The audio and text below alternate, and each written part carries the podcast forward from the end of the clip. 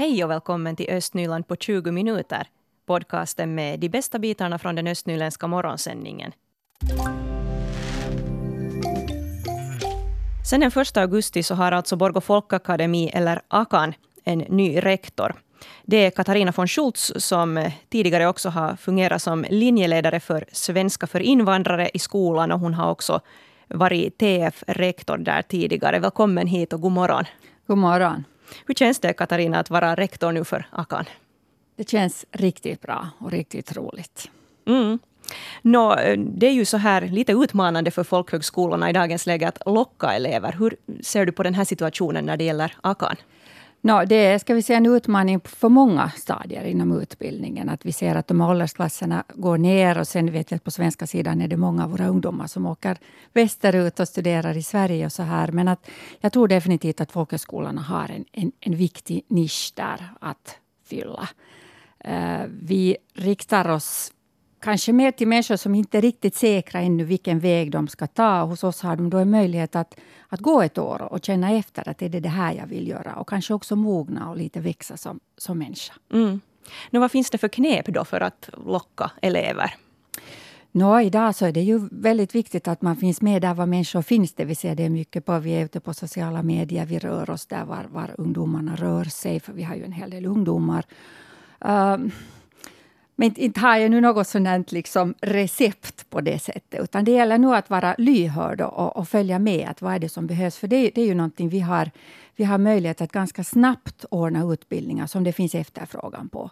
Att vi har ju inte bara våra långa linjer utan, som, som pågår då ett, helt, ett helt läsår, utan vi har också kortkurser. Och det kan vara inom, inom ja, nästan vad som helst. Mm.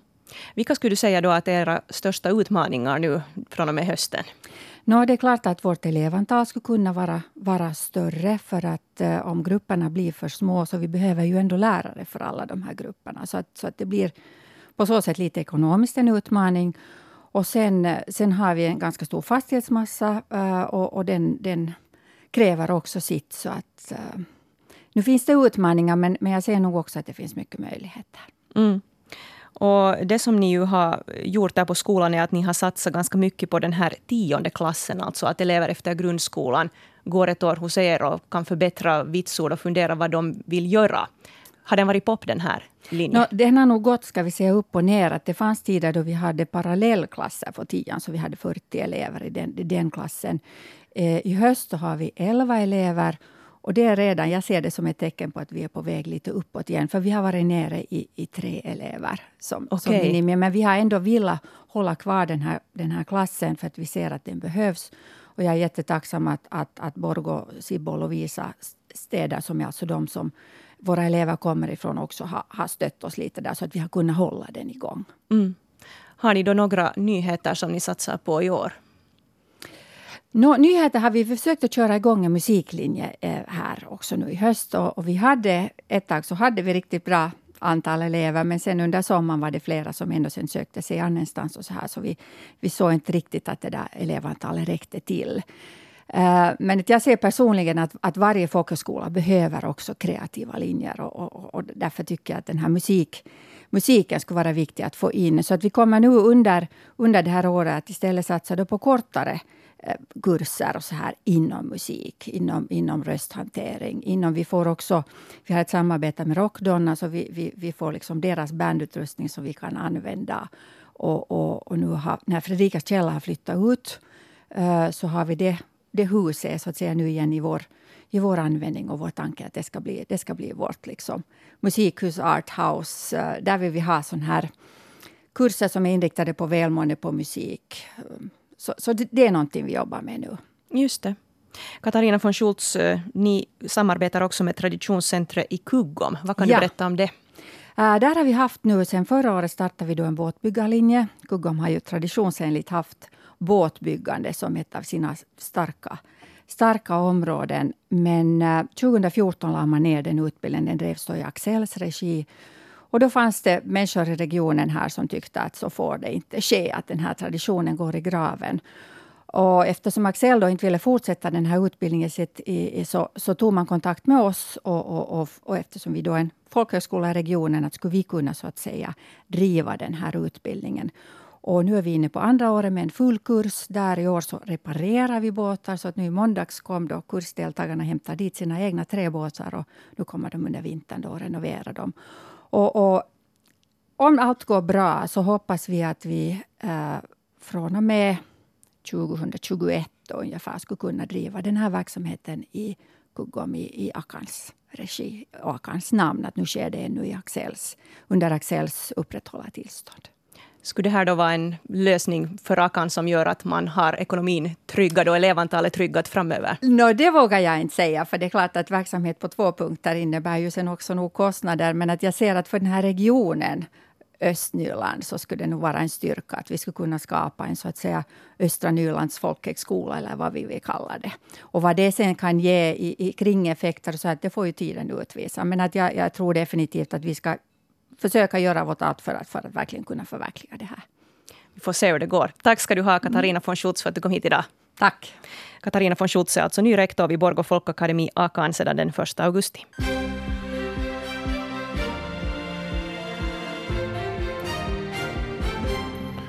Klockan är halv åtta. Nu nyheterna från regionen Östnyland med Stefan Härus. God morgon. Intresset för föreningen Svenska feriekolonihemmets lägergård Lapparbäck i Fagersta i Borgå har varit stort. Det uppger fastighetsförmedlaren Risto Volanen som säljer fastigheten. Ett tiotal privatpersoner har visat intresse och igår förde Volanen seriösa samtal med en av intressenterna.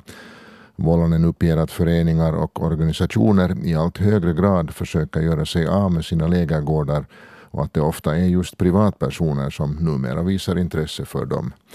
Utgångspriset för den över två hektar stora fastigheten är 650 000 euro. Och mera fastighetsaffärer i Borgo. Studentbostäderna på Styrmansvägen är nu sålda. Företaget som äger studentbostäderna gick i konkurs och byggnaderna och tomtens hyreskontrakt auktionerades ut. Vem köparen är och till vilket pris byggnaderna är sålda informerar konkursboets förvaltare om under nästa vecka. Utgångspriset var 350 000 euro. Så till Lovisa där företaget Luja Betoni har ansökt om tillstånd för stenbrytning och stenkrossning samt att kunna utvinna grus och sand i byn Gisslarböle. Företaget har redan nu en verksam betongproduktfabrik eh, på det närmare 10 hektar stora området. Området ligger en dryg kilometer från Forsby skola sydväst om väg 170. På området har det idkats motsvarande verksamhet sedan 1978 utbyggnad som miljönämnden tar ställning till Luja Betonis förfrågan vid sitt möte ikväll. Och i Nickby Sibbo blir anslutningsparkeringen vid Stora byvägen färdig först om ett par veckor. Ännu behöver bland annat belysningen, kantstenarna, asfalteringen och vägmarkeringarna göras. Elever och personal i skolorna har haft problem med parkeringen i grannskapet på grund av fördröjningen. Sibbo kommun hoppas att anslutningsparkeringen inte ännu används eftersom det då blir svårare att utföra resten av arbetet vilket leder till ytterligare fördröjningar. Kommunen har löst problemet genom att arrangera med alternativa parkeringsmöjligheter. I fjol så uppstod ett läckage i Broböle damm i Sibbo. Och det här ledde till att eh, låga vattennivåer hotar skada dammkonstruktionen. Och nu är den här dammen restaurerad. Bo Melander är tidigare kommunanställd och hörde till arbetslaget som jobbar med den här dammkonstruktionen. Och vår reporter Leo Gammals har träffat honom. Nu står jag här med, med Bo Melander bredvid den här dammen eh, och, och fisktrappan. Vi är i Hindsby, på Hindsby-sidan här på Sibbo å. No, ja, det var nu det här kanten som hade börjat ge efter där på andra sidan att det slapp att börja rinna vatten och därför har ju det där jordmassan rasat ner där på andra sidan. Att det blev fyllt här i förra veckan det så var med en sån här pumpbil och spruta sand och seppel över dit och, och täckt in det och så har vi i en ny kaka där ovanpå ena kanten. Vad, vad är det som har orsakat det här? Är det väder och vind? Mm, säkert, säkert ju att det sakta börjar äta undan jorden att det får ha väder massan börjar rasa ner lite ifrån oss. Kan vi ta en liten konkret en grej, ni, ni, hur ni har jobbat här? Alltså det, har ni varit här ett par dagar eller har, har det varit ett längre projekt? Jag och Stefan här Skulman så vi har varit här ett par dagar nu med det här Vi fick ju bygga lite trappor att vi slapp ner dit först och lite Ja. lavor över att vi slapp med betongarna dit. Så. Men förra veckan var jag ledig och då var, de, då var inte jag med här. Den där lastbilen var och sprutade äpple här. Men då hade de en sån här stampare med över dit och stampade där när de fyllde. Så var det nu så lite projekt det heller så var den väger ju ganska mycket. Tyngdpunkten, alltså, har, tyngdpunkten har alltså legat där på, på den bortre Ja. sidan, alltså den, den, den östra sidan. Ja. Det var det när det började äta jorden och vattnet började slippa yttre vägen liksom förbi dammen. Ja.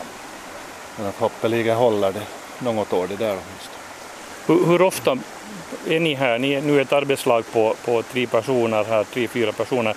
Eh, hur ofta ser ni över den, just till exempel den här delen av Broböledam? Inte, inte ofta. Det är nog på somrarna mest. Vi står här närmast, är det här närmast oss nu den här fisktrappan här? Jo, det är den här som far här förbi. Ja. Hur gammal, ser man någon fisk här? Du sa att du har, du har varit här och fiskat när du har varit liten. 52 år sedan var jag här, 51 år sedan sist kanske. Och då på vårflödet alltid så var ju fiskarna upp här mot dammen men de slapp ju inte högre upp för att här var ju inte någon möjlighet för dem att komma. Men då var det braxnar och abborrar och det fanns mycket i ödefisken då. Hur är det idag? Det kan jag inte svara på. Har du några andra sådana sån här barndomsminnen eller, eller minnen från, från just det här området som du kan dela med? Nej, det är nog närmast det där fiskande. Alltid var jag 6-7 år då, så det är det som har fastnat i minnes. Det var nästan varje lördag på våren som vi var hit. Efter islossningen av vårflödet så började fiskarna stiga upp. Och det var ju en stor upplevelse. Slip från Pipis allt så här långt med bil så det var ju också mycket den tiden. Så. Än så länge har vi inte sett någonting som skulle hoppa och Nej men då när vi var här och reparerade så då var här några småfiskar som hoppade här uppe nu som jag såg. Tog lite luft eller när man fångade när man var till Lappo hela den gången. Och vi hörde här sist Bo Melander från Södra Pajpis som har varma minnen från den här dammen i Broböle i Sibbo. Idag så råder strikt fiskeförbud 200 meter på vardera sida om dammen eftersom den är en fiskeväg för laxarna. Och den här dammens främsta uppgift är alltså att hålla den här fem kilometer långa fiskbassängen med tillräckligt med vatten under hela året. Och det här läckaget som inträffade vid dammens östra kant sommaren och hösten i fjol så ledde då sen till att vattnet var över en halv meter under dammens krön och det här då flödet i ån var lågt. Och det här i sin tur så skapas en risk för ras längs med kanten på den här cirka fem kilometer långa dammbassängen och fiskvägen blev torr. Syftet med det här arbetet har alltså varit att återställa bassängens vattennivå till samma nivå som dammens krön. Och det var Leo Gammals som var reporter här. Vi har också en webbartikel där vi har bilder här från den här Broböle damm som man kan kolla in här på svenska.yle.fi östnyland. Nu ska vi prata lite om teater. Eh, Teater Fabel nämligen, som är en relativt nygrundad barn och ungdomsteater med bas i Lovisa.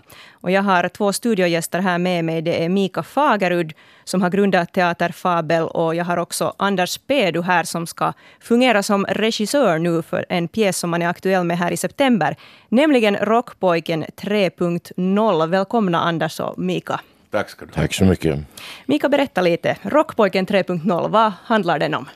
Det handlar alltså om, om rockpojken som har ett dåligt ordförråd. Okej. Man räknar med att, att eh, så här, det finns 126 000 ord i vår eh, Svenska Akademins ordlista. Av dem använder en jurist till exempel eh, 75 procent av dem, det vill säga 100 000 ord. Och rockpojken, han använder 750 ord. Okej. Av dem så an, använder han liksom 500 när han tänker och 250 ord när han pratar. Så där har vi perspektiven. Wow. Och du ska vara ensam på scen. Det handlar om en monolog. Ja. Det är ett ganska spännande sätt att, att berätta säkert. Kan du berätta lite hur det är att vara på scen ensam? Nå, man, man har ju mycket strikta ramar hela tiden som man går efter. Men ändå så finns det en frihet där. Så man behöver inte ta hänsyn till medspelare, utan man kan köra sitt eget race så att säga. Men visst, det kräver ju otrolig närvaro och nerv och intensitet. Och också för att målgruppen är ungdomar, det vill säga från högstadiet till gymnasiet, så krävs det intensitet för att, få håll, för att hålla uppe deras intresse för det som man berättar. Ja. Nå kommer din monolog att leva då utgående från publikens reaktioner också, eller hur är det med det här? Det är nog jag som för. Ja. Det är jag som för den här föreställningen. Att, att reaktionen kommer det att komma, det är ju helt säkert. Men vad heter det? Eh, jag för föreställningen. Ja. Anders Pedu, du fungerar som regissör här. Hur kom du in i samarbete här med Teater Fabel? Jag har dessutom skrivit hela pjäsen och framfört den själv i, eh, här i Finland. Bland annat Espo för Unga Teatern och där träffades Mika och jag. Och han såg föreställningen när jag gjorde den och han tyckte att det var den bästa föreställningen han sett i hela sitt liv. Så är det. Så är det. Nej, men den, han, han, eh, han tyckte om den och sen har han legat och gnagt i Mika tror jag länge. Vi har pratat om att få göra det här länge. Uh, vi har känt varandra några år Mika och jag. Och så blev det av nu. Okej. Okay. Och det här är ju ett samarbete mellan våra teatrar. Uh, mm. Anders Pedu han har alltså Gotlandsteatern i Stockholm och, och jag sköter om Teater Faber här i Lovisa. Så det där, vi, vi har lite liknande eh, estetik och etik och empati och sympati och, eller vad? Ja, jag tycker det. Ja. Jag hoppas att vi kan fördjupa samarbetet. Eh, spela på varandras scener. Ja.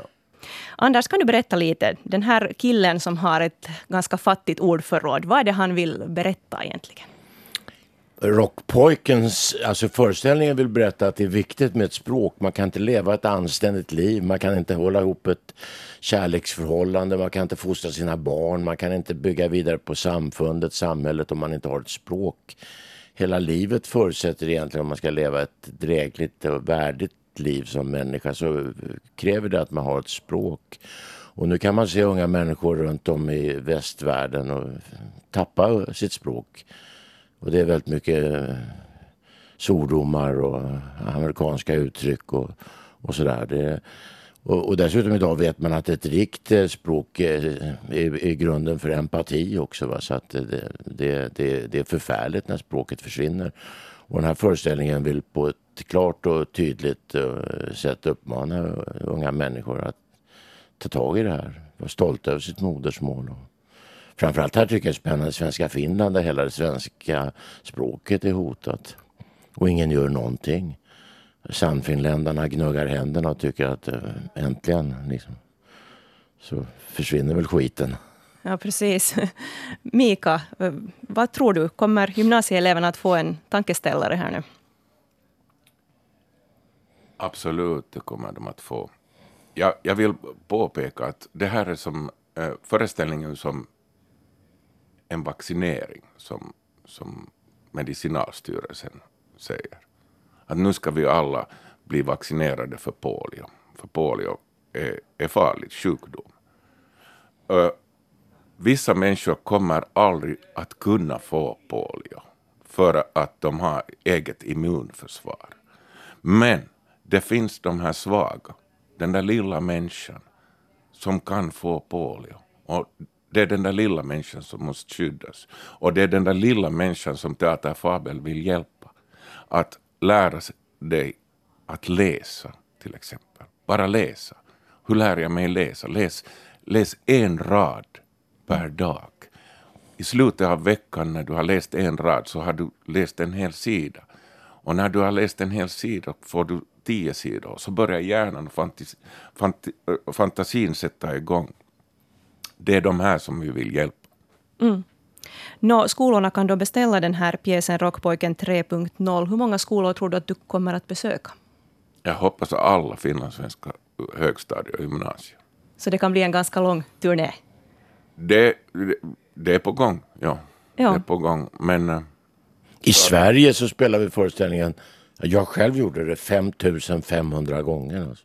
Och- Så det är ganska och An- mycket det. Och Anders spelar också i, i fängelser, i kyrkor, i, i Fritidsgårdar. ja, ungdomslokaler som vi kallar dem här. Ja. Så att möjligheten är mångfaldig.